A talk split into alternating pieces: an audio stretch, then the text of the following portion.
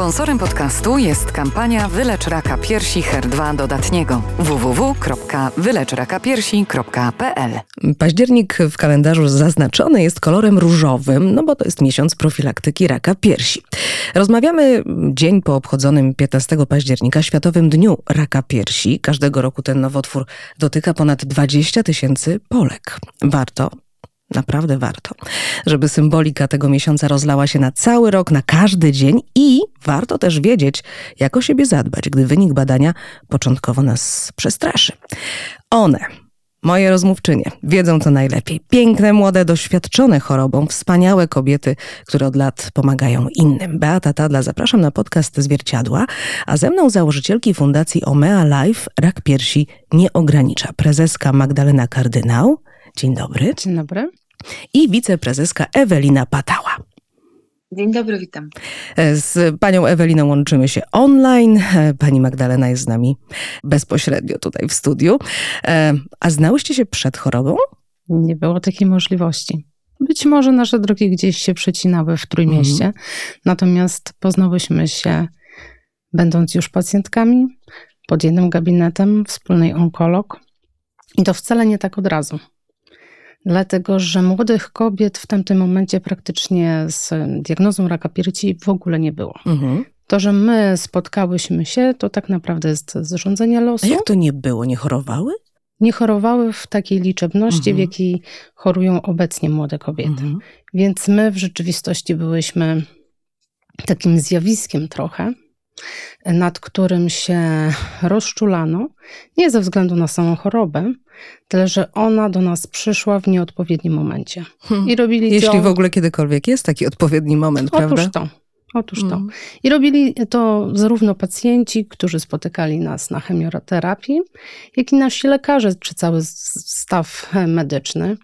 E, umilali nam ten czas, i to między innymi też spowodowało, że nasza wspólna onkolog, mm, docent Senkus Konewka, zainicjowała tak naprawdę nasze spotkanie, ponieważ e, my widziałyśmy się przelotem, mhm. a ona spowodowała, że poukładała tę chemię w taki sposób, że mogłyśmy ze sobą tą chemię przyjmować. Mhm, czyli niejako byłyście e, takimi maskotkami tam, prawda? Oczywiście, tak można powiedzieć. E, mówiono o nas, taka nasza nieformalna pierwsza nazwa to te dziewczyny z onkologii na wesoło, ponieważ w rzeczywistości się wyróżniałyśmy mm, i tym, że nie chciałyśmy być stygmatyzowane tą chorobą, mhm. i tym, że sobie jakoś z nią radziłyśmy. Chodziłyśmy uśmiechnięte pomimo wszystko, chodziłyśmy elegancko ubrane, przebierałyśmy się w fatałachy, w piękne sukienki, w, w, w długie peruki, w torebki luksusowe. No zawsze wyglądałyśmy jakbyśmy przychodziły do kabaretu, a nie na, na chemioterapię mhm. i niejednokrotnie słyszałyśmy. Śmiech pani Eweliny już było słychać. To może pani wspomnienie z tamtego czasu? Faktycznie mm, starałyśmy się wyglądać atrakcyjnie. E, ja dodam, że nasz diagnozę raka piersi usłyszyłyśmy mając zaledwie 30 lat. E, ja 29, Magda 31, więc e, i jeszcze nasze dwie przyjaciółki, z którymi mm, się spotkałyśmy też mm, kilka miesięcy, y, tygodni potem, z którymi założyłyśmy fundację, więc faktycznie Spotkało nas to w bardzo młodym wieku e, i myślę, że to też uwarunkowało to, jak myśmy się zachowywały, jakie miałyśmy podejście do samego procesu leczenia. E, I to jest prawda, że w trakcie leczenia dbałyśmy o swój wygląd zewnętrzny i dla nas to było ważne, ale myślę, że też determinowało to to, że po prostu byłyśmy aktywne zawodowo. Mm. Więc ten wygląd w trakcie leczenia był dla nas ważny po to, żeby czuć się ze sobą dobrze, e, mm, żeby nie było tak, że totalnie wszystko się zmieniło w, e, w, naszym życiu, ale też był potrzebny do tego, żeby normalnie żyć, funkcjonować, chodzić do pracy, spędzać czas z dziećmi, z rodziną, że to trochę ułatwiało, bo nie byłyśmy taki, mm, takimi osobami, na które się patrzy po no prostu. No tak, i tak się pojawiła idea e, fundacji, tak, która mm, ma podtytuł Rak piersi nie wyklucza. Czyli nie, to ogranicza. nie ogranicza. E, to, to, wspólne doświadczenie was, e, was połączyło, stworzyło właśnie pole do tej e, pracy dla innych kobiet, które, jak rozumiem, przekonujecie do tego samego, co wy, czy jak wy przeżywałyście ten okres leczenia. To prawda, bo zauważyłyśmy we cztery, że płacz i, i zgrzytanie zębów nic, niczego nie wniesie. Mhm. Świat się dla nas... A było zgrzytanie? Jak Oczywiście. zareagowałyście? Pamiętacie? Oczywiście. Mhm. Nie ma... Nie ma nie ma takiej osoby na świecie, która byłaby przygotowana e, na diagnozę choroby śmiertelnej w tamtym momencie, bo tak mówiono o tej chorobie, e, zwłaszcza młodej osoby. Tak samo jak w, nikt nas nie przygotowuje do śmierci, to jest jedyna pewna rzecz, która nastąpi, a my boimy się tego tematu. Tak, jak cały czas ognia. nie umiemy rozmawiać Oczywiście. Mm. Nawet Kościół nas, e, jeżeli jesteśmy wyznawcami chrześcijaństwa, w żaden sposób w Polsce nie przygotowuje nas do tego. A powinien, ponieważ te tematy później się e, przewijają niejednokrotnie w różnych chorobach, nie tylko e, w raku piersi. Natomiast e, to, co zauważyłyśmy, to na chwilę nasze rodziny spowolniły. E, nasi bliscy, nasi przyjaciele, ale świat się nie zatrzymał. Mhm. I stwierdziłyśmy, no hola, skoro mówią, że nasi lekarze, skoro mówią, że oni mają jakąś wiedzę, że latają na te największe konferencje medyczne, no to się znają. No to chyba się znają. No my jakieś tam zalążki informacji mamy od nich. Część doszukujemy się e, w internecie. Nie wszystko jest to dobrze trafione. Niejednokrotnie posługiwałyśmy się też fake newsami medycznymi. Mm. Ale miałyśmy tą możliwość, że zawsze mogłyśmy się do nich zwrócić i oni mieli dla nas czas, bo nie było tych młodych. Stąd właśnie ta idea o powstaniu mhm. choroby, no bo świat się nie zatrzyma. Skoro my dostałyśmy tak naprawdę, można powiedzieć śmiało, dużo dobra od ludzi, których spotkałyśmy na swojej ścieżce jako pacjent onkologiczny, to stwierdziłyśmy, że. Teraz trzeba się tym podzielić. Po tak, prostu. Tak, skoro wiemy jak. A chciałabym jeszcze Was zapytać, e, jak to się w ogóle stało, że trafiłyście e, w to miejsce, w którym się spotkałyście? Czy coś Was niepokoiło? E, jak się dowiedziałyście o swojej chorobie? Zanim trafiłyście do lekarza? No, ja byłam osobą zawsze świadomą.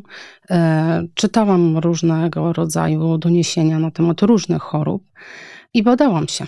Mhm. Wykonywałam e, raz na jakiś czas badanie USG, byłam młodą mamą dwójki małych dzieci e, i wykonywałam też e, samo badanie piersi. I którejś słonecznej niedzieli, leżąc sobie, oglądając telewizję, zaczęłam wykonywać to badanie tak bezwiednie.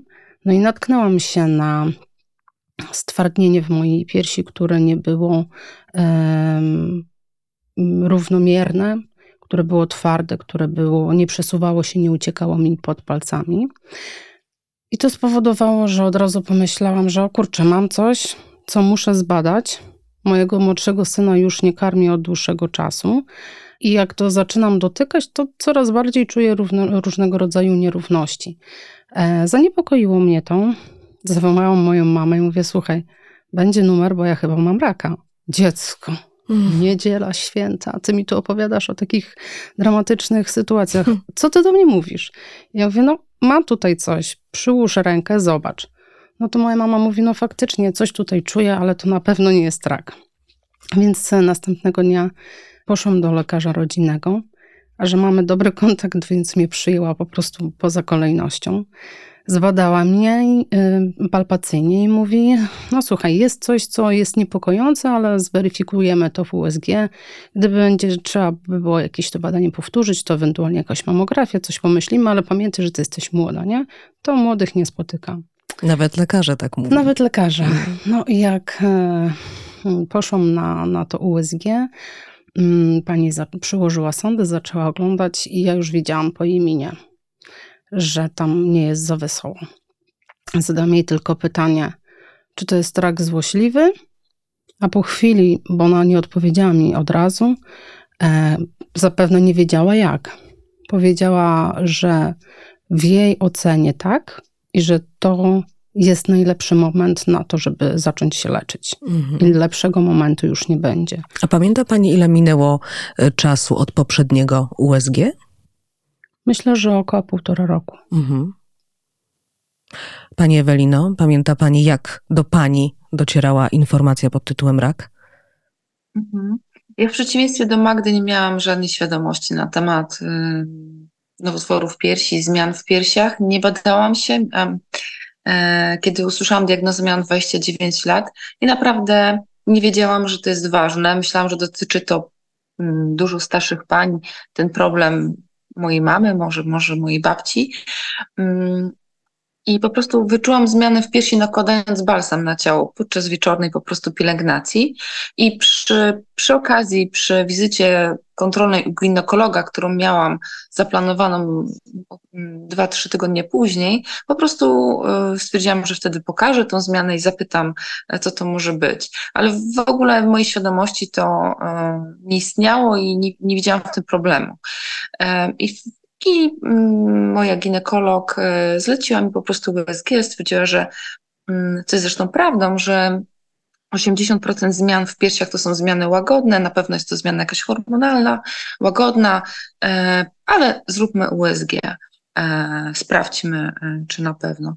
I ja miałam tak samo już w tym momencie, tak samo jak Magda, czyli w momencie, kiedy radiolog wykonywał mi to USG, już wiedziałam, że że coś jest nie tak, bo miał po prostu twarz mu zamarła, nic nie, nic nie mówił, dziwnie, odczułam po prostu jakąś mhm. taką atmosferę napięcia. Mowa ciała, nie? I tak, mowa ciała, bardziej tak. I zapytałam, co się dzieje. No i wtedy lekarz powiedział mi, że tu ta zmiana wymaga dalszej diagnostyki, wykonania biopsji, ale wygląda bardzo niepokojąco. Więc um, tak to się u mnie zaczęło. Mhm. A Ile trwało e, pani leczenie? 10 miesięcy. To były zabiegi operacyjne dwa, e, chemioterapia. E, brałam też udział w badaniu klinicznym, ale łącznie tak to trwało 10 miesięcy. I jak jest teraz? Teraz jest świetnie. Minęło od tego czasu 9 lat. E, jestem zdrową e, osobą. Lubię też tak o sobie myśleć. E, wykonuję kontrolne badania. Właśnie tydzień temu miałam kontrolny rezonans i na ten moment jest bardzo dobrze. I myślę, że im więcej czasu upływa od, od, od zakończenia leczenia, tym poziom stresu i takich obaw, że że coś może być nie tak, e, się zdecydowanie zmniejsza. No i teraz jest też fajnie, bo, bo, bo jestem w dobrym takim momencie swojego życia też prywatnie. E, pokochałam sport, który w dużej mierze układa mi życie, więc jest dobrze. Mówiąc to, uśmiechała się. Zresztą pani Magda również się uśmiecha. A jak było pani z, z tą długością leczenia? No moje było zdecydowanie dłużej. Mhm. E, był zabieg, była chemia. No i następnie, aż też był tu nowotwór, który był uwarunkowany mm, estrogenami. Tak? Nie, genetycznie. Mhm. Estrogenami, czyli nieprawidłową wartością estradiolu w, w moim ciele to też miałam uzupełnioną e, hormonoterapię w okresie 10 lat, mhm. czyli długą. Długą, na tyle długo, żeby się nią tak naprawdę zmęczyć. I w połowie mm, tego leczenia zastanawiałam się, jak to, jak ja w ogóle przejdę y, do, do spraw codziennych, jeżeli mi w końcu zabiorą tą hormonoterapię, tak? Zostanę no, bez tego leczenia, tak? Mam nawet takie zabezpieczenie mhm. psychiczne. Ja byłam tak zmęczona tą sytuacją, że muszę przyjmować tą tabletkę o tej wskazanej godzinie i ona niesie ze sobą tyle skutków ubocznych, nawet w postaci spadku libido, mm. co, co, w moim poczuciu kobiecości było dramatem. Więc szukaliśmy e, z mężem różnych dróg rozwiązań, żeby nam się po prostu to życie seksualne poukładało. I to było trudne, że w momencie, kiedy doktor mówi, wiesz co, no mogłybyśmy z tego leku zejść. No nie ma tam pełno 10 lat, ale generalnie mogłabyś świetnie już dzisiaj. Także jestem mhm. już. No to jak jest, jak jest terapii. dzisiaj? Ja nie pytam oczywiście o życie seksualne, ale pytam o, o zdrowie. Jest dobrze. Mhm. Jest dobrze. Dobrze, że e, przyjaźnię się nadal z Eweliną, bo ona jakby bodźcuje mnie właśnie do tej aktywności fizycznej. Nie dlatego, że ją lubię, tylko Ewelinę lubię, tylko tej aktywności fizycznej to nie lubię. Bo jest No wyczerpująca. tak, ale dzięki aktywności po prostu organizm nam się odwdzięcza. Oczywiście, no i patrząc z zazdrością na jej ciało, jakie się zmienia i młody nie jest, stwierdziłam, o nie, kurczę, ja chyba jestem z 7 lat od niej młodsza, zaraz będę wyglądała jak babcia, nie przyjaciółka. Weź kardynał się za siebie. Także zmotywowała mnie i dziękuję ci e, bardzo, Ewelina, bo e, oczywiście z różnymi błędami, czasami z brakiem motywacji, czasami, że mi się nie chce wykonywać tej aktywności fizycznej, ale idę i wykonuję. No i świetnie. A e, pamiętacie, czy pomyślałyście wtedy przy diagnozie? To musimy teraz znaleźć jakąś fundację, organizację, kogokolwiek, kto powie nam, jak to po prostu przetrwać. Czy szukałyście takiego wsparcia? Bo pani tutaj wcześniej mówiła o tym internecie i fake newsach. Czy szukałyście innego wsparcia? Tak. Takiego na przykład jak wasza fundacja. Szukałyśmy Mhm. i nie znalazłyśmy w Polsce. I to chyba było e, tym najważniejszym momentem do tego, żeby podjąć decyzję o działaniu na rzecz młodych kobiet. Bo nasza fundacja powstała głównie z myślą o młodych kobietach, ponieważ w stosunku do młodych ludzi trzeba zupełnie inaczej się pochylić, nie tylko pod kątem jakby stworzenia całej terapii onkologicznej, Mhm. prawda, bo te nowotwory są bardziej dynamiczne i, i mogą spłatać klinicystom figla. Natomiast młodość ma do siebie to prawa, że ona jeszcze nic nie przeżyła. I tu jest największy problem. Czyli bo- głowa. Głowa. Głowa i to, że byłyśmy, dopiero wchodziłyśmy w, w życie partnerskie, małżeńskie, bycie matkami, wchodziłyśmy w role nowe społeczne, e, zdobywałyśmy szczeble kariery dopiero co. I tu nagle diagnoza rak. Mhm. Inaczej jest, kiedy jest się dojrzałą kobietą, już większość tych elementów się ma za sobą. To nawet patrząc w przeszłość, ma się co wspominać, po to, żeby te wspomnienie dało ci tego kopa do walki. A my? Nie było co wspominać. Jeszcze nie było tego albumu, prawda, do którego Dokładnie można, tak. można zaglądać. Powiedziałyście, że, że to jest mit, że rak piersi dotyka kobiety, nie wiem, starsze, czy wyłącznie te po czterdziestce, bo młodsze też chorują. Powiedzcie, jaka to jest skala? No, myślę, Ja że może powiem, bo Mhm. sprawdziłam ostatnio e, w Krajowym Rejestrze Nowotworów. Dane mówią z 2020 roku, że e, przed 44 rokiem żyje, e, przed 44 rokiem życia mm, w 2020 roku chorowało 2000 kobiet. Oznacza to, że ten problem do młodych kobiet mm, przed tym okresem menopauzalnym to- to jest 10%. Więc myślę, że to jest, To jest całkiem sporo. Mhm. Dokładnie tak. Mhm. A młodsze kobiety, rocznie. młodsze kobiety nie mają e, sporej wiedzy o profilaktyce, czy, czy po prostu one, nie wiem, nie mają na to czasu, nie myślą, a może myślą? No, myślę, że każdy myśli Mhm. gdzieś tam przelotnie o swoim życiu i co się może w nim e, wydarzyć, ale wszyscy myślimy, że jesteśmy nieśmiertelni. A poza tym, no, edukacja. A tej edukacji nie ma w szkołach przede wszystkim.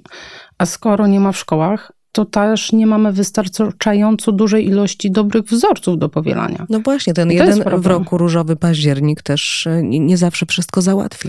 A poza tym jest niewystarczający, a kolejną ważną rzeczą jest to, że się tylko w tym jednym miesiącu wszyscy skupiają em, i jeszcze dodatkowo nie dobierają odpowiednich komunikatów. Bo zauważamy, że w większości tych e, informacji, które są zamieszczane w różowym październiku, to właśnie to są statystyki, czyli Mhm. 20 tysięcy nowych zachorowań rocznie, 7,5 tysiąca kobiet umiera rocznie, więc e, to jest stygmatyzujące, to jest straszące.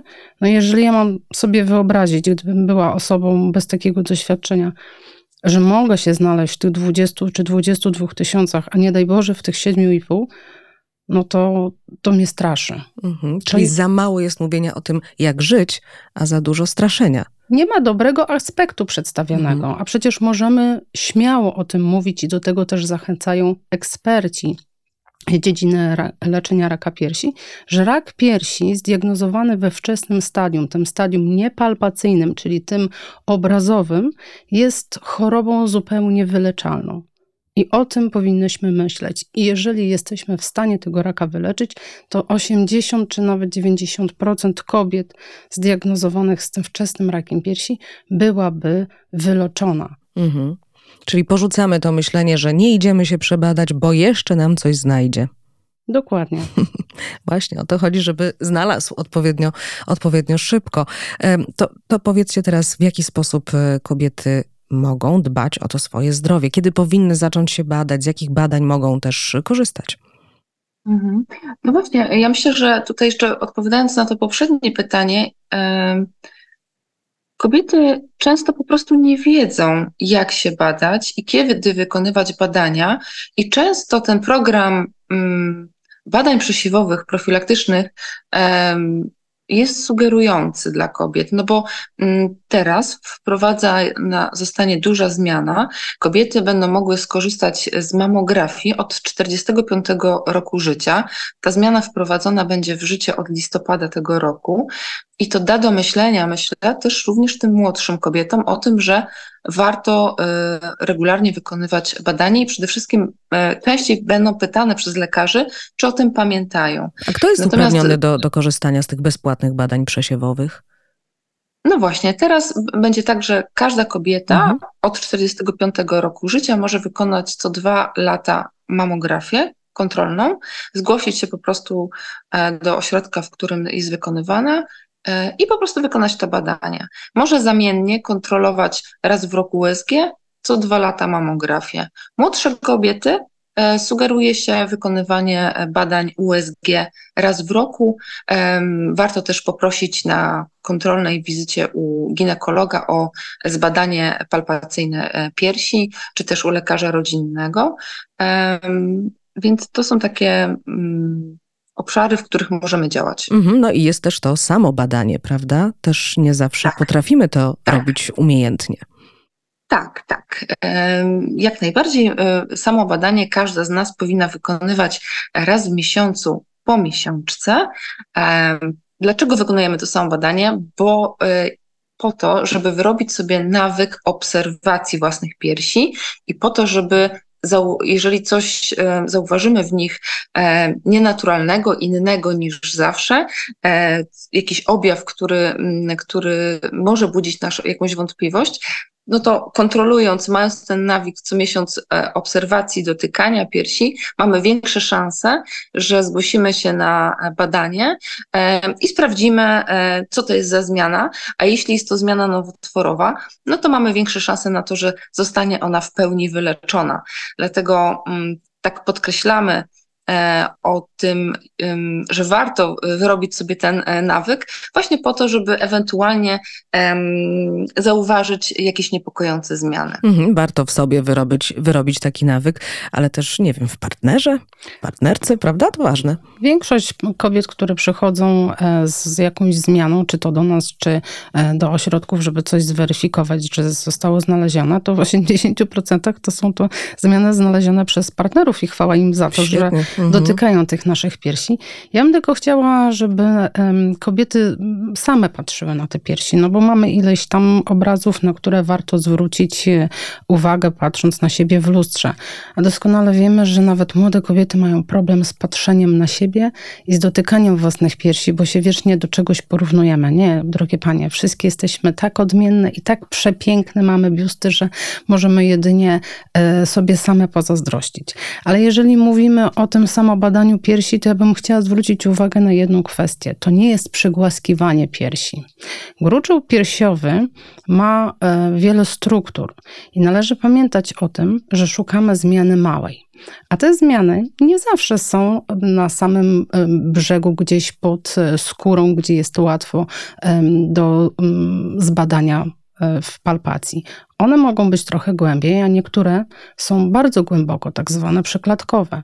I tutaj właśnie taka dosyć głęboki nacisk, taka penetracja tymi trzema palcami, kulistymi ruchami, wchodząca w głąb właśnie gruczołu piersiowego, tak jakbyśmy chciały dotknąć żeber, Mhm. jest w stanie przeanalizować w prawidłowy sposób ten gruczoł piersiowy. A to robić na leżąco, na stojąco, siedząco? Mamy do, w, w, do dyspozycji kilka tak naprawdę postaw, które są ważne do tego, żeby w każdej z nich przeanalizować e, ten nasz gruczoł piersiowy. Możemy stać, e, do tego podnieść rękę do góry. Nasza geometria piersi też się zmienia, ponieważ porusza się za pomocą mięśnia, prawda? Więc Mhm. też odsłaniają się różnego rodzaju partie.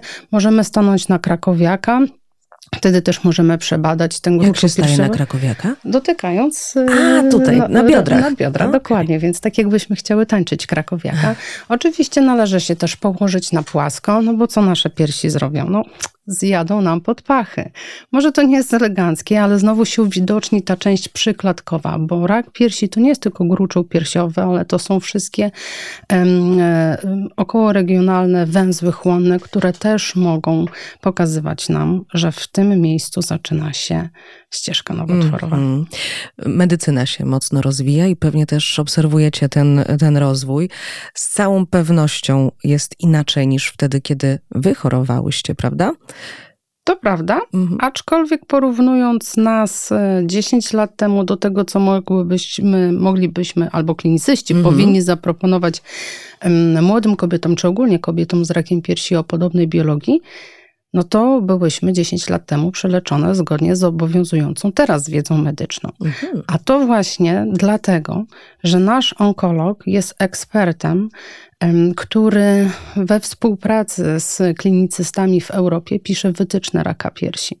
I to dało nam to takie poczucie trochę bezpieczeństwa, Mhm. że na tamten moment dostaniemy Ale to, co to właśnie najlepsze. tak nie może być, nie? że trzeba mieć szczęście, że się trafi do, do takiego e, lekarza. To co kobiety powinny wiedzieć na początku leczenia?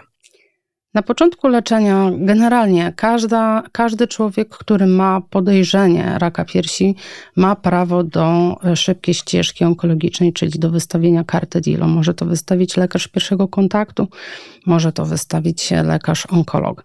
Druga ważna rzecz, do e, klinicysty onkologa, czyli tak potocznie mówiąc, do onkologa nie potrzebujemy do poradni skierowania. I to też jest bardzo ważne. Potrzebujemy natomiast skierowanie do poradni chirurgii onkologicznej. Natomiast zawsze możemy pierwsze kroki wykonać w te, w te miejsca, w których mamy e, onkologów. Ważne jest, żeby poszukiwać albo poradni chorób piersi, albo breast cancer unitów, czyli takich ośrodków, które leczą em, nowotwory piersi i to jest ich główny narząd, em, unit narządowy, nad którym skupiają się w 80-90% swojego czasu pracy. Okej, Tam spotkamy A gdzie są takie ekspertów. miejsca? Są w Polsce. Okej. Są w Breast Polsce. Cancer Units. Dokładnie tak. Mhm. Można taką listę zaciągnąć e, z GOF-u, można takie listy mm, znaleźć na stronach Ale to jest internetowych przy klinikach, przy szpitalach, To przychodniach? są kliniki, Kliniki. Mhm. wyspecjalizowane kliniki leczące właśnie raka piersi. E, I tam pacjent e, może przejść całą ścieżkę diagnostyczną i powinien tam ją przejść, nie tak zwane na mieście, ponieważ właśnie w tych grupach eksperckich poruszamy się właśnie w tym obszarze takiego zaufania do siebie, tak?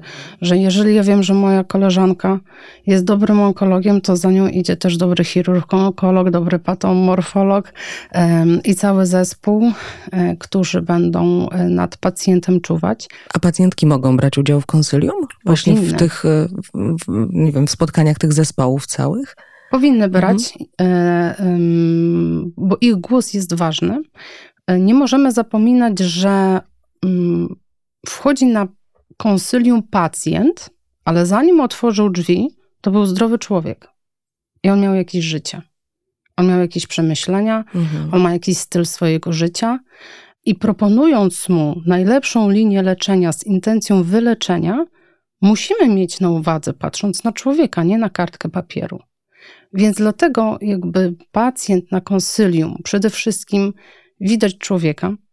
Poza tym lekarz może zadać mnóstwo pytań, bo może mieć chorób współistniejących, które pewne rzeczy mogą wykluczać w tej terapii, którą będą proponowali, ale też z drugiej strony, to co jest jeszcze bardziej istotne, człowiek, pacjent ma prawo zadać pytania konkretnym ludziom, co będzie się z nim teraz działo, ponieważ on nie ma zielonego pojęcia. Oczywiście, On poza nie tym jest w musi. kryzysie. Tak, Dokładnie, emocjonalnym. On nie musi być nagle ekspertem, zresztą też nie będzie, bo nawet gdyby obczytał te najważniejsze rzeczy związane z tą jednostką chorobową, którą on ma, to i tak nie ma doświadczenia klinicznego. Prawda? A poza tym boi się bardzo mocno o swoje życie. Ale jest ważne, aby mógł współdecydować o swoim leczeniu, ale nie może też być tak, że jeżeli pacjent będzie zadawał milion pytań, a eksperci mogą zaproponować jedną lub dwie lub więcej linii leczenia i każą jemu wybierać. Mhm. No tak nie może być. Bo jak on może wybrać? No skąd on może nie wiedzieć ma zielonego właśnie, pojęcia. jak porównać to, to, to do siebie? No właśnie, no to powiedzcie w takim razie, jak się e, przygotować do takiej mm, rozmowy z lekarzem, kiedy idziemy w kryzysie właśnie, tak? Skąd czerpać wiedzę? Jeżeli na przykład staniemy przed takim wyborem, który lekarze nam dają, że wybierzcie sobie metodę leczenia, to co my mamy odpowiadać? Ja myślę, że ym, to jest ważna informacja dla wszystkich osób, które nas słuchają i są dzisiaj zdrowe.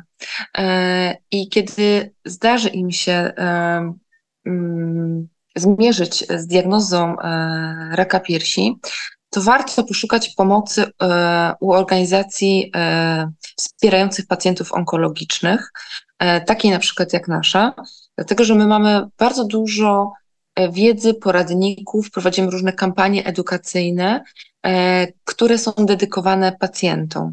E, I możemy w bardzo szybki sposób e, odesłać pacjentów do e, konkretnej strony internetowej, którą przygotowaliśmy specjalnie e, dla, e, dla, dla niego, dla niej.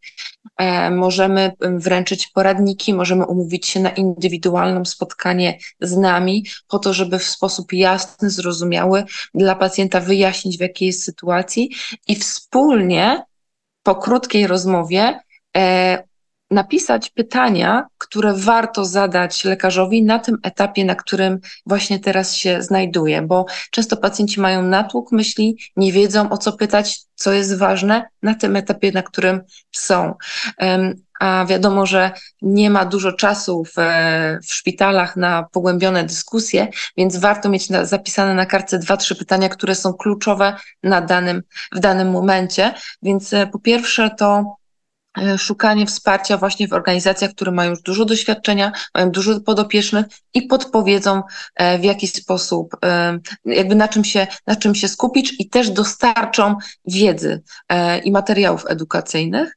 Mm, I warto, e, no, bo bardzo trudno jest zweryfikować rzetelność źródeł, kiedy wpisujemy do Google'a e, i zadajemy pytania związane z, z naszą chorobą, e, dlatego szukajmy wiedzy tam, gdzie, mm, no, gdzie jest większa szansa, że, że ona będzie rzetelna. Na przykład, przykład- w Fundacji Omea Life właśnie. Na Powiedzcie, ile, e, ile wspólnego z waszymi historiami mają e, historie kobiet, które zgłaszają się do, do fundacji? Ile tam jest jednak takich nowych, niewiadomych, innych e, doświadczeń niż wasze doświadczenie? Mhm. Ja myślę, że każdy z nas jest inny. My docieramy faktycznie przez swoją aktywność w mediach społecznościowych do, i przez też swoją filozofię, e, przez to, że my tworzymy tą, tą fundację do głównie młodych kobiet, e, ale pomagamy absolutnie każdej e, kobiecie, która po prostu się do nas zgłosi i potrzebuje naszego wsparcia. E, I to są, łączy nas zazwyczaj to wiek, e, sytuacja mamy podobne sytuacje rodzinne, zawodowe, podobnie postrzegamy pewne problemy, które, z którymi się mierzymy, kiedy słyszymy diagnozę mając 30, 40, e, 50 lat.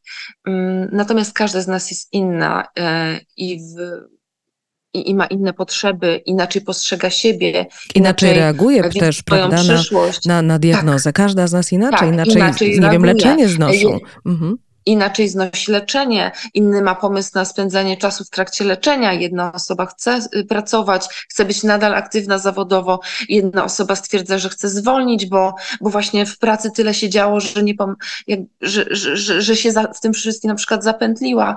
E, Ktoś inny myśli o tym, o, o, o swoich dzieciach, a ktoś zupełnie idzie w inną stronę. Tak, to prawda, każdy z nas jest inny, e, więc nie możemy tak generalizować i, i, i No i E, też ważne jest to takie być- podejście indywidualne, prawda, do każdego. Jak rozumiem, wy e, takie podejście e, zapewniacie. Wsparcie medyczne i psychologiczne też w sensie takim po, pokierujecie? Również. Mhm. Ze względu na to, że mocno postawiłyśmy na własną edukację, ponieważ zaczęto nam zadawać pytania bardzo stricte merytoryczne, więc stwierdziłyśmy, no dobrze, może to już jest ten moment, że czas pokazać, że my mamy tą wiedzę, Mhm. bo jednak ją zdobyłyśmy i w jaki sposób właśnie dzięki też między innymi zaprzyjaźnionym lekarzom, którzy nam pokazywali, w jakich miejscach powinnyśmy znaleźć się jako młode um, organizatorki no, młodej fundacji, um, żeby zdobyć jak najbardziej rzetelną um, wiedzę. I zazwyczaj to były te same konferencje, na które oni przyjeżdżali. Mm, I dzięki temu powstał pomysł o stworzeniu Centrum Wiedzy o Raku Piersi, gdzie właśnie edukujemy pacjentów stricte z ich fenotypu, który ich dotyczy, ponieważ widzimy, że tych nowotworów nawet w ostatnim czasie jeden nowy nam rozpoznany mhm. przyszedł w raku piersi. Więc tych nowotworów jest kilka, żeby pacjent nie musiał denerwować się, dlaczego to jest taka linia. Przecież sąsiadka ma takie same wyniki, a dostaje inne leczenie.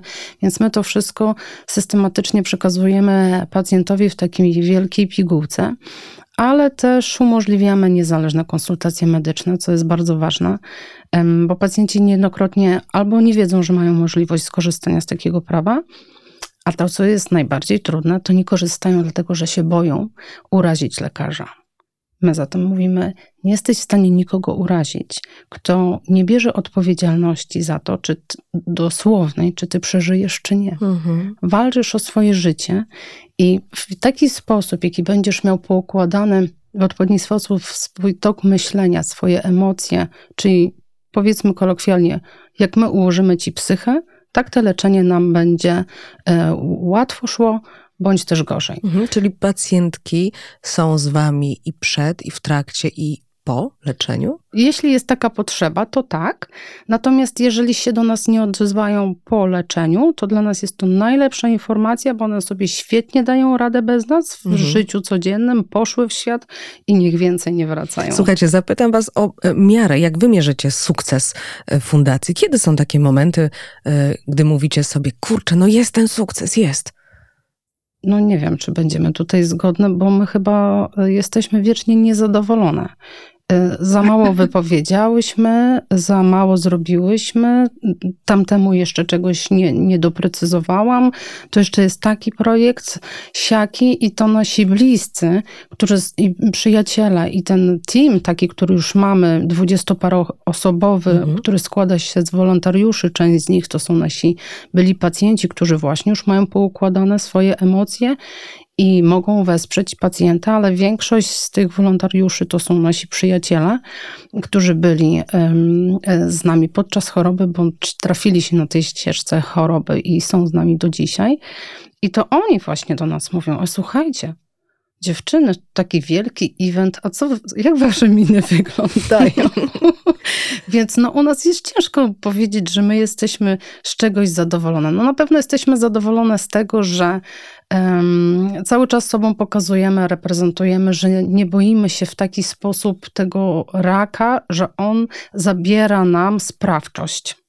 Oczywiście, jak przychodzi to, co Ewelina wspomniała, przychodzi ten moment um, własnej diagnostyki, no to te emocje są, ale to one no, nie windują się w taki sposób, że nas to paraliżuje. Mhm. Potrafimy w jakiś sposób już po tylu latach sobie to poukładać. Może jest to kwestia tego, że się czujemy już w miarę bezpiecznie, bo to są takie te nasze fenotypy, że im dalej w las, tym bezpieczniej. Więc ta dziesiątka pyknęła i niech pyka kolejna w taki sam sposób. Ale my wiecznie y, od siebie czegoś więcej i więcej i więcej wymagamy, dlatego że tych pacjentów tyle przybywa. Otworzyłyśmy to centrum, chcemy cały czas je rozbudowywać. Jesteśmy już na takim etapie, że zatrudniłyśmy koordynatora do spraw y, pacjenta z Ukrainy, ponieważ w momencie, kiedy wybuchła wojna, y, dzięki temu, że współpracujemy z taką organizacją ukraińską, Inspiration Family, e, którą poznałyśmy dzięki e, e, Think Pink Europe, z którą robimy bieg, o którym Ewelina na pewno opowie, bo ona ten bieg w tym roku rozpykała sama jednoosobowo, więc tutaj szapoba. więc poznałyśmy tą organizację dwa czy trzy lata wcześniej, zanim się wydarzyły te zdarzenia militarne na Ukrainie i ci pacjenci z Ukrainy po prostu przez nas przepływają. I my diagnozujemy tych pacjentów, y, analizujemy dokumentację medyczną, robimy Czyli tłumaczenia pomagacie i im też, nie wiem, kon- leczeniu. kontynuować leczenie, które było My rozpoczęte w Ukrainie. zmieniamy to Mhm. leczenie, bo widzimy, z czym dopiero jak zaczęliśmy pracować, to z, z nimi to zorientowaliśmy się, że oni w ogóle nie są leczeni zgodnie z sztuką medyczną, z wiedzą najnowszą medyczną, ponieważ ni- to nie jest kwestia tego, że ich lekarze nie mają tej wiedzy, bo mają. Natomiast e, te linie leczenia, które mm, są u tamtych pacjentów stosowane, to są typowo komercyjne. Na co mnie stać, to kupuję. Najtańsze Hmm. są chemie, więc sobie kupuję. Wszystkie inne pozostałe są niebotyczne, drogie, więc po prostu tych ludzi nie stać. I takie linie leczenia, jakie my, do nas przychodziły i sposoby, w jaki ci ludzie byli mm, leczeni, po prostu my byliśmy przerażeni. Co teraz? Bo mm, musi też ten pacjent się wpisać w nasze realia, w nasze programy lekowe. To nie było wcale proste. Więc y, myślę, że z tej Ukrainy teraz jesteśmy, bynajmniej ja tak mocno zadowolona, bo udało nam się tych pacjentów y, y, jakoś przeprocesować. Jest ich 240, którzy są w terapiach Sporo. w Polsce. Mhm. Ponad 10 wyjechało za granicę i to są pacjenci, którzy też różnego rodzaju pytania nam zadają na różnym etapie.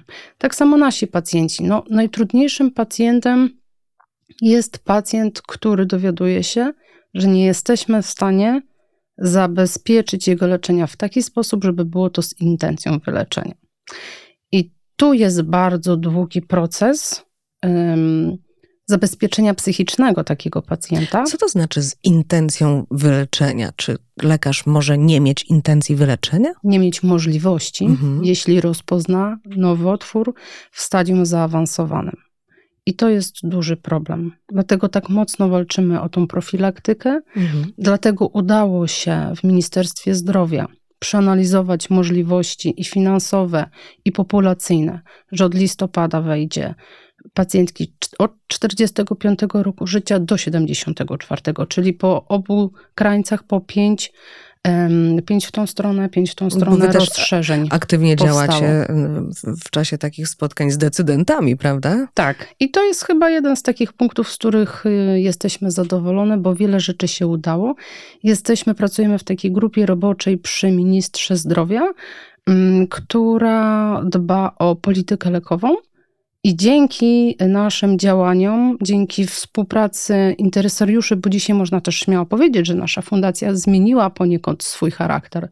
Od takiej organizacji oddolnej, pacjenckiej, jesteśmy interesariuszem też systemu i dbamy przede wszystkim o pacjenta, o dostęp pacjenta do, do terapii, do jakości wykonywanych usług i do miejsca, jak najbliżej miejsca zamieszkania. Mhm, ta pozycja partnerska na pewno też mocno uwiarygadnia, prawda? Bardzo. Dobrze, to pani Ewelino, jeszcze y, pani y, satysfakcja. Proszę opowiedzieć o tych y, wszystkich aktywnościach i obiegu.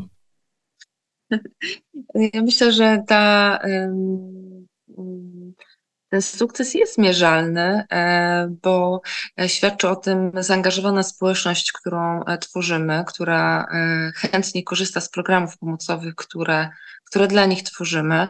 Widać, że to, co wymyślamy, kreujemy właśnie tworząc programy pomocowe jest w punkt, bo po prostu z tego korzystają i mówią o tym liczby.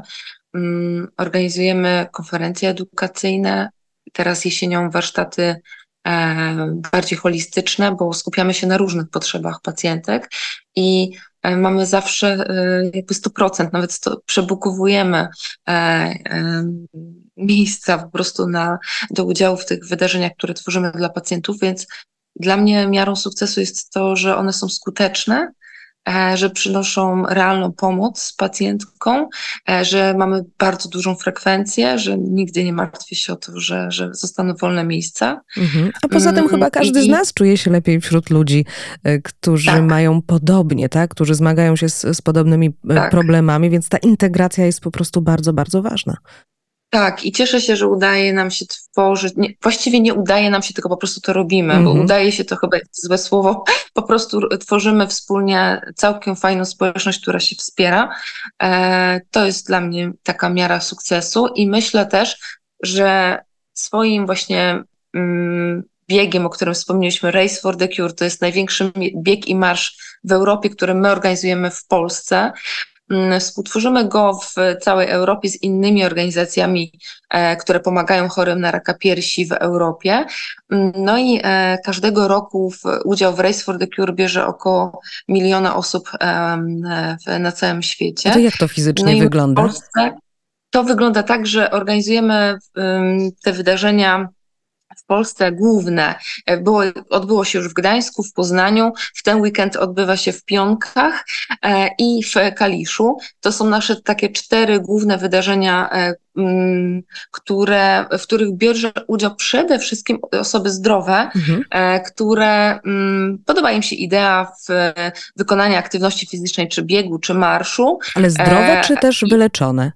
Bo to jest tak, ten bieg jednoczy zarówno osoby, które usłyszały diagnozę raka piersi i to właśnie one zakładają ko różową koszulkę e, w Mhm. trakcie tej, e, tego wydarzenia, natomiast koszulkę białą zakładają wszystkie osoby, które chcą wyrazić swój gest solidarności e, z chorymi. Są to członkowie ich rodzin, przyjaciele, medycy, e, celebryci, e, po prostu wszystkie osoby, które chcą się zaangażować w ten projekt, pobiec, pomaszerować, założyć tą białą koszulkę i powiedzieć przede wszystkim, masz, to jest mój gest wsparcia w twoją stronę, em, zauważam jak wiele masz za sobą, albo jak, jak wiele, jak, mm, jakie trudy ze sobą niesiesz, chcę cię wesprzeć, ponieważ dochód e, z tego całego wydarzenia, tych wszystkich wydarzeń, e, właśnie e, zasila konto naszej fundacji.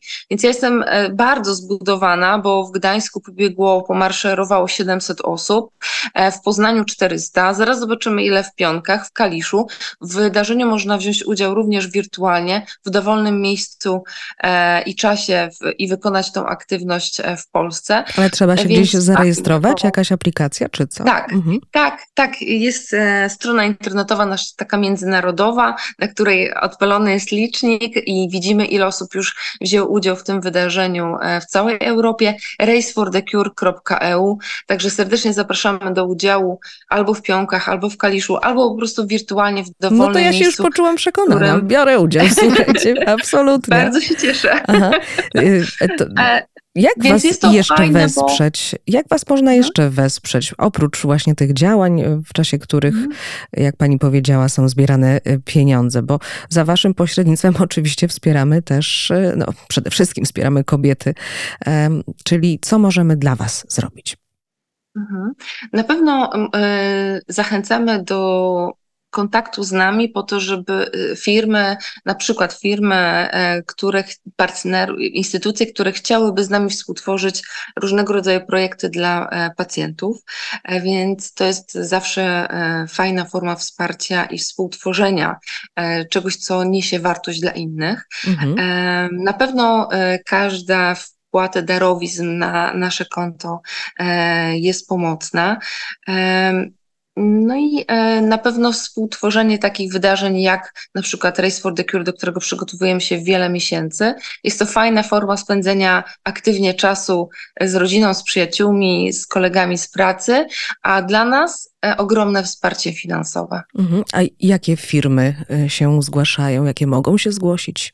Do jakich projektów? Wszystkie, nie mamy tutaj Aha. wyłączeń, e, bo, ponieważ prowadzimy kilka projektów e, takich pomocowych i dla każdego partnera znajdziemy jakiś e, pomysł na współpracę. Chciałybyśmy, żeby jednak y, dominowały może albo zaczęły włączać się firmy nie stricte medyczne, nie stricte farmaceutyczne, ponieważ one są, e, bo rozumieją potrzebę i działanie naszej organizacji, naszych organizacji różnych, bo przecież wspierają różne organizacje, ale jeszcze takie mm, społeczne, oddolne podejście e, pozostałych branż jest dużo mniejsze niż widzimy to w Europie czy w Stanach Zjednoczonych, współpracując z innymi organizacjami. Mhm, No to jakie branże e, i jakie projekty, jak one mogą się e, tutaj, nie wiem, zgłosić i co, co mają za to? No, szyjemy wszystko na miarę osoby darczyńcy, sponsora, w zależności od tego, e, jaką e, przyjmuje tak naprawdę to nazwę, jaką przyjmuje, czy to jest projekt bez bezpośrednio, mm, który dla niego będziemy realizować, czy to będzie projekt, do którego w rzeczywistości on się włączy w nasze działania, które już mamy. My zachęcamy do tych projektów, które mamy już sprawdzone i realizują się, ponieważ są to projekty e, podzielone. Część jest to projektów stricte związanych z potrzebami pacjenta, ale większość z tych projektów to są też te projekty edukacyjne, z którego każdy może skorzystać, pozornie zdrowy Polak, Mhm. bo mówimy o profilaktyce raka piersi, która występuje głównie, bo w 98,5% u kobiet, ale 1,5% to są jednak To mężczyźni. Mhm. Ja pamiętam takie zdarzenie sprzed chyba czterech lat, e, gdy na jednej z klinik pojawił się młody mężczyzna z rozpoznaniem właśnie raka piersi. Nasi koledzy chirurdzy zastanawiali się kilka dni, jak oni mu to powiedzą. No i tak, jak sprzedać młodemu chłopakowi informację, że on ma raka piersi? I tak się zastanawiali i mówią, dobra, to my mu powiemy, że on ma jednak nie raka piersi, ale raka gruczołu piersiowego, to lepiej brzmi. Więc po prostu no, szukamy różnych tak naprawdę form wypowiedzi i budujemy różne te nasze wypowiedzi, bo patrząc... Słowa mają znaczenie. Dokładnie, bo patrząc na, stat- na niechlubną statystykę niezgłaszania się na badania profilaktyczne, bo to jest 38-39% e, osób, które mają do tego prawo, no to wypadamy blado w Europie. A co to za sobą niesie? Niesie to za sobą to, że mogą być to niestety już nowotwory rozpoznane w chorobie zaawansowanej bądź też przerzutowej. To też nie ma tej intencji wyleczenia tylko choroby przewlekłej. I świetnie, że dzisiaj medycyna, nauka daje nam takie możliwości i ci, em, te pacjentki czy ci pacjenci żyją przekraczając te 5 lat, prawda? Więc żyją powiedzmy, że latami i chcielibyśmy, aby te lata ich leczenia w chorobie przewlekłej nam się wydłużały. Natomiast to, co nas niepokoi poza właśnie diagnozą tych nowotworów w takiej postaci, to to, że te wszystkie nowe terapie, celowane terapie, biologiczne, immunoterapie, które będą dedykowane coraz to węższej populacji, e, wynikiem jakby doprecyzowania, dlaczego powinien ten pacjent przyjąć ten lek, są cholernie drogie. A firmy farmaceutyczne nie są skore do schodzenia z cen i my to widzimy na przełomie nie tylko Polski, ale też Europy, ponieważ pracujemy z, z 32 organizacjami, więc widzimy, jak to cenowo przekłada się też w Europie. I jeżeli nie zadbamy o to, że będziemy przychodzić, na badania profilaktyczne, jeżeli nie zadbamy o siebie, to naszego państwa nie będzie stać na to, żeby zapewnić tą wyjątkową, drogą terapię Mhm. każdemu pacjentowi. A No, powinniśmy, tak. bo każdy chce po prostu być wyleczony. Niedawno Martyna Wojciechowska mi powiedziała, że nasz kraj powinien się w ogóle nazywać zrzutka.pl. Niestety. E, No to jeszcze na koniec, dziewczyny. E, Co to znaczy OMEA i kim jest OMEJka? OMEA to jest Olga, Magda, Ewelina, A, Agnieszka. Ale brzmi tak jak czyli- z łaciny. No tak miało brzmieć. Zastanawiałyśmy się jakiś czas nad tym, jak, jak będziemy się nazywać. Już wymyśliłyśmy Szukałam w logo. słowniku i nie znalazłam wytłumaczenia I tego słowa. słusznie. E, Tak, to jest Olga, Magda, Ewelina, Agnieszka. Tak, trafiłyśmy e, na oddział em, onkologii klinicznej w Gdańsku E, i tak się rozpoczęła nasza historia. A Omejka to jest kobieta odważna, która leczenie wpisuje w swój styl życia, a nie odwrotnie. Mhm. Bardzo Wam dziękuję, że jesteście, że to wszystko robicie, bo to jest niesamowite i cieszę się, że, że podzieliłyście się e, tym, co właśnie ro, robicie, jak działacie e, z osobami, które nas słuchają, bo być może kompletnie nie miały zielonego pojęcia, że, że jest taka możliwość kontaktu z Wami. Jest. Można nas znaleźć poprzez Facebooka, Instagram. Nasze prywatne telefony już nie są prywatne. Dzwońcie śmiało. nie pytajcie się. Także jeżeli macie mm, problem, to zachęcamy do pisania e, na Messengerze, czy biuro małpa Omea Life, czy pacjent małpa omealife.pl. Tam są typowo już pytania typowo związane z terapią, przeanalizowaniem dokumentacji medycznej. I my będziemy cały czas głośno mówić, rak piersi jest chorobą wyleczalną, a w tym kraju na ten moment mamy zabezpieczony terapią lekową w bardzo e, dobry sposób, tak jak się leczy w I Europie. rak piersi nie ogranicza, jak przekonują obie omejki, które były gościniami podcastu Zwierciadła, założycielki Fundacji Omea Life, e, prezeska Magdalena Kardynał. Dziękuję. Dziękuję. I wiceprezeska Ewelina Patała. Dziękuję pięknie. Dziękuję bardzo. A ja dziękuję, że nas wysłuchaliście. Sponsorem podcastu jest kampania Wylecz raka piersi HER2 dodatniego www.wyleczrakapiersi.pl